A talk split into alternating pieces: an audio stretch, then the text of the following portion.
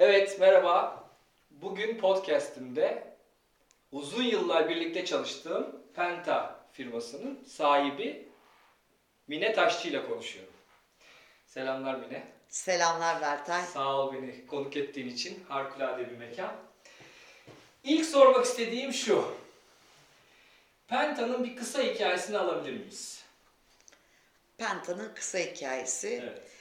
Şöyle söyleyeyim, e, biz e, üniversitedeyken e, üniversite arkadaşlarımla beraber biz bu şirketi kurduk. Tamam. Şirketi kurduğumuzda aslında bütün şirketlerin tek bir amacı vardır, o da para kazanmak.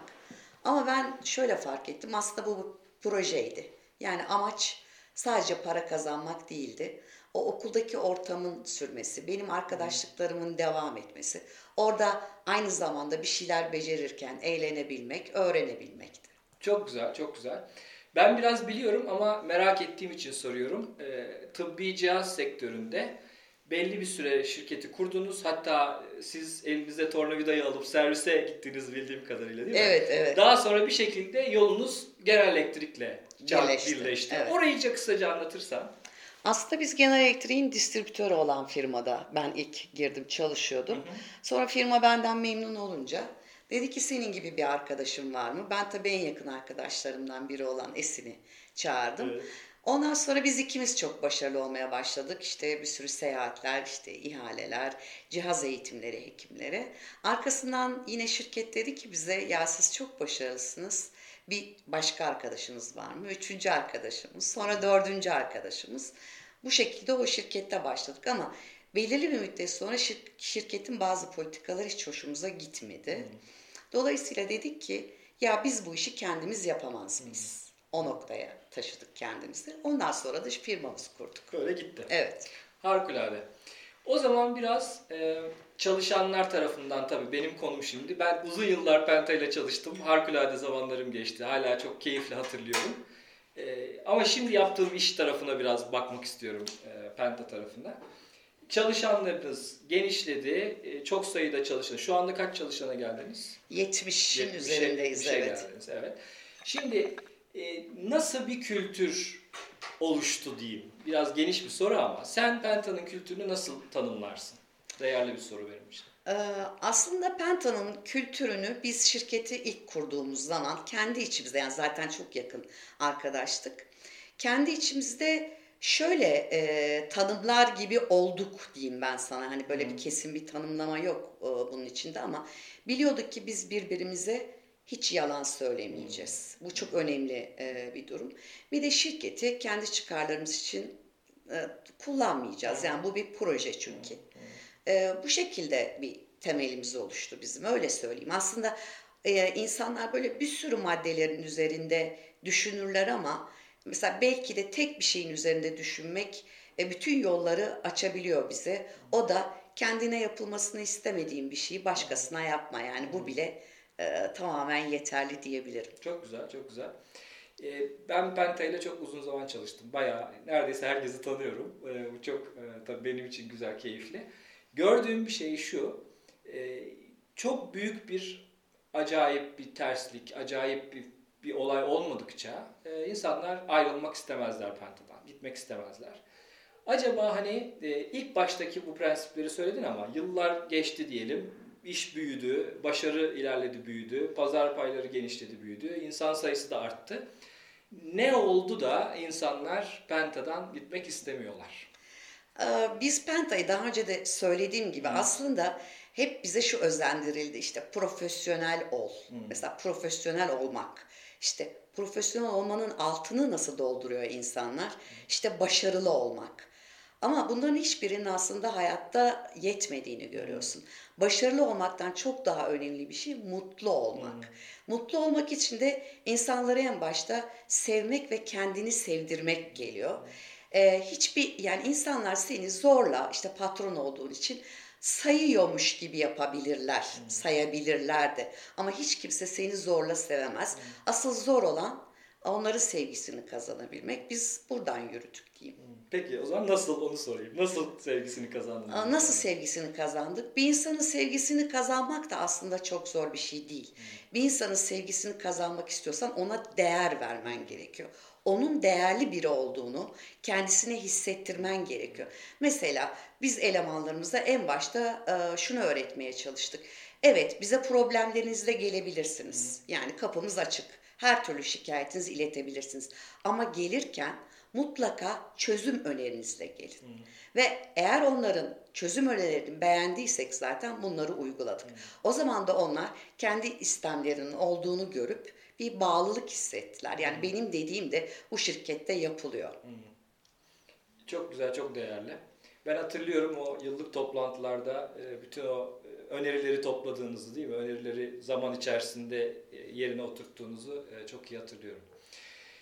Peki bir de uzmanlıklarla ilgili önemli bir tarafı var Penta'nın. Yani ben tabii şimdi eski işime dokunmuş olayım biraz. Bir müşteriye gittiğimizde rakipleriyle olan ilişkisi açısından baktığımız zaman insanlar şöyle derdi. Yani Penta'dan bir hizmet alıyorsak o işi e, en iyi bilenle çalışacağımızı biliriz. Yani ben biliyorum arkadaşlar uzun süre, uzun yıllar boyunca bir işe böyle kendilerini adar gibi çalışırlar. Hala da öyledir.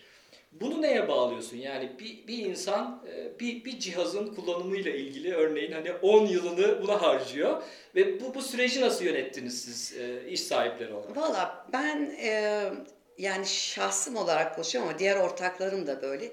Biz aslında e, çok önemli bir şeyin farkına vardık.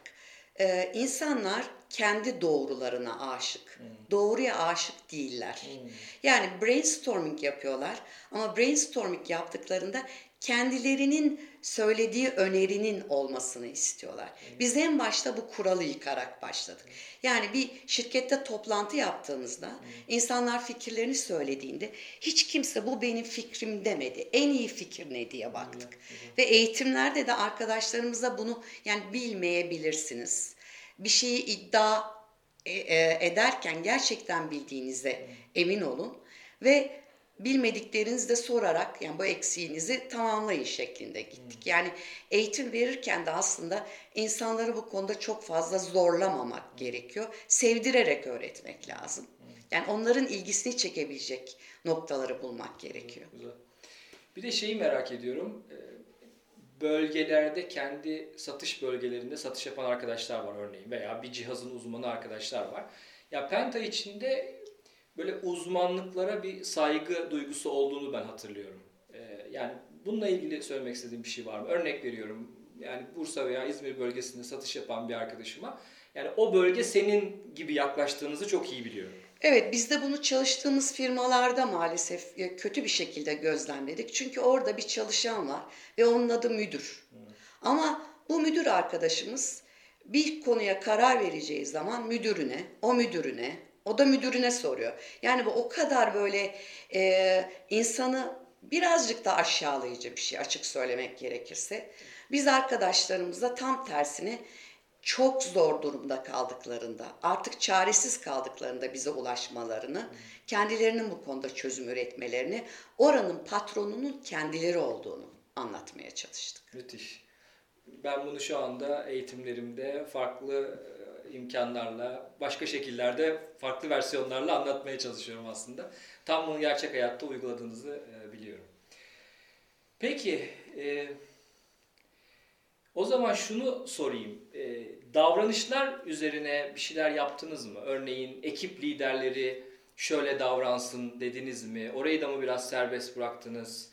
Ya da işte bölge müdürleri şöyle yönetsin dediniz mi? Orada hani orta kademe diyelim ekip lideri gibi koyduğumuz arkadaşlarla e, sizin iş sahiplerinin etkileşimi nasıl oldu? Orası da enteresan benim için. Ya şöyle, o aslında şirketin başlangıcından kaynaklandı. Biz önce kendi kendimizi eğittik. Yani e, bütün ortaklar birbirimizle nasıl daha iyi iletişim kurabiliriz?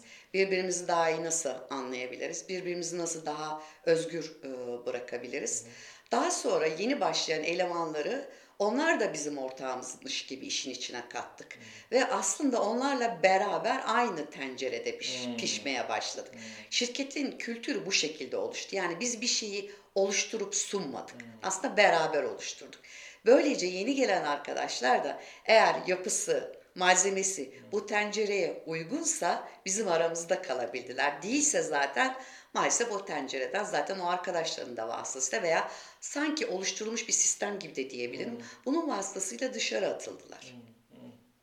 Hmm. E, bu hani çok kolay bir şeymiş gibi anlatıyorsun öyle söyleyeyim. E, bu aslında oluşturulması çok zor bir şey. Yani e, birçok başka firmadan biliyorum. E, yani doğal geliştiğini duyuyorum senden. Yani e, ortakların ilişkileri üzerinden doğal bir e, davranış biçimi var. O davranış biçimi yeni gelenler tarafından Aa, burada işler demek ki böyle gibi algılanıyor ve onlar da ona adapte olarak o tencerede pişmeyi çok güzel söyledin. Onu e, kullanacağım.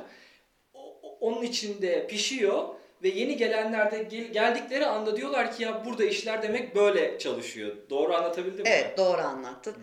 Çünkü e, bir şeyi zorlayarak kabul etmek çok yanlış oluyor ve biz yaşayan bir organizmayız aslında. Firmalarda yaşayan bir organizma. Hmm. Böyle mekanik bir yapıya benzetmemek hmm. lazım bunu aslında. Bir ağaca benzetmek daha doğru olur. Hmm. O yüzden biz de değişmeye açık insanlarız. Yani değişmeye açık değilsen zaten o binada kapalı kalıyorsun. Hmm. Ama değişmeye açıksan yeni yaprakların oluşuyor. Ne bileyim daha farklı meyveler vermeye başlıyorsun. Birazcık gençlere de güvenebilmek lazım. Tam da oraya doğru geliyordum. Son dönemde e, sadece sizin pazarınız teknoloji pazarı değil.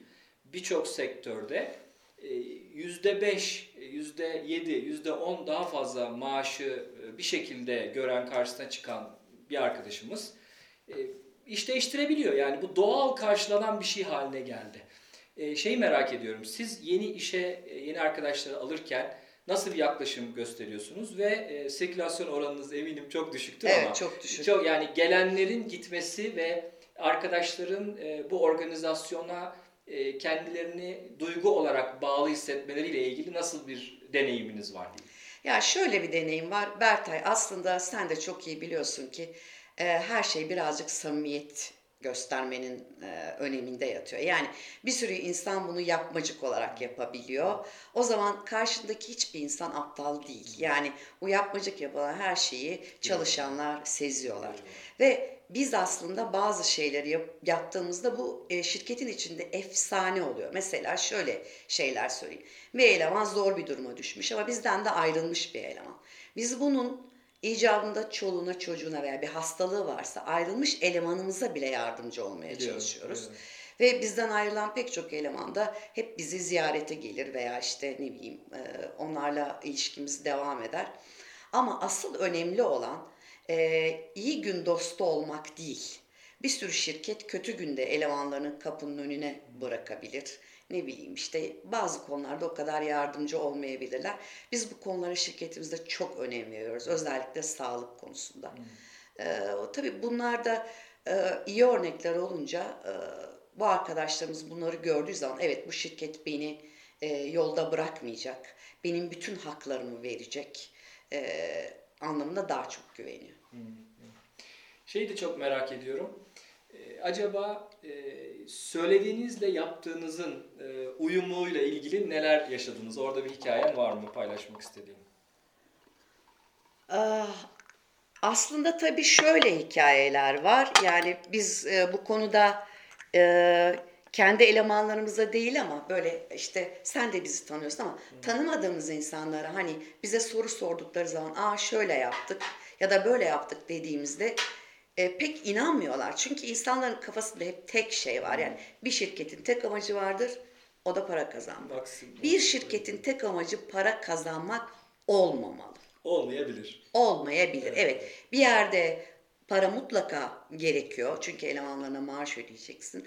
Ama bir takım işte dürüstlük ilkelerinden, e, ve elemanlarına kazandığın parayı daha fazla paylaşmak aslında günün sonunda sana daha fazla kazanç getiriyor. Yani paid forward diye bir e, hani filmi de var bunun. Aynen. Çok da güzel bir şey. Önce bizim vermemiz gerekiyor alabilmek için. Çok güzel, harika.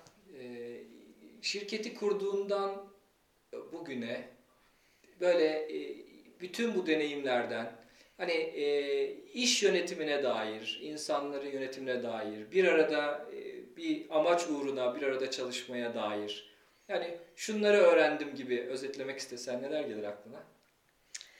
Aa, aslında e, biz e, en başından beri biliyorduk. Yani şunu kabul ederek başladığımız için çok şey öğrendik. E, yöneticilerin belirli bir müddet sonra yönetici körlüğü oluşabilir.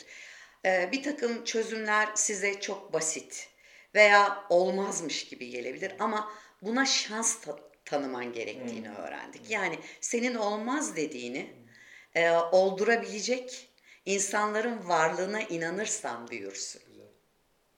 Çok güzel. Bunu ben tabii e, size yaptığım sunumlar veya sizinle olan etkileşimlerimden hatırlıyorum. Örneğin bir cihaz bir bölgede satar veya satmaz. Uzun uzun tartıştığımız şeyler. Ama bir deneyelim yaklaşımını hep hatırlıyorum değil mi? Yani Evet. hep ben, ben de katılıyordum. lazım. Birlikte Tabii, tabii. şunu şuraya deneyelim, Evet, bunu buraya evet, deneyelim. Hep o evet. şekilde ilerledik. Peki çok güzel. Ee, benzer durumda iş yöneten insanlara söylemek istediğin bir şey olur mu? O şekilde toparlayalım. Çok güzel bir söyleşi oldu. Ben açıkçası samimi olmalarını, yani gerçekten samimiyet çok önemli. Bu gizlenebilen bir şey değil. Asla gizlenemiyor. Ee, ve karşındakini de senden daha akıllı çalışanını görmek bence çok doğru bir yaklaşım olacaktır. Çok teşekkürler. Harikulade bir e, söyleşi Ben oldu. teşekkür ederim Ee, görüşmek Sağ üzere. olasın. Çok sağ olasın.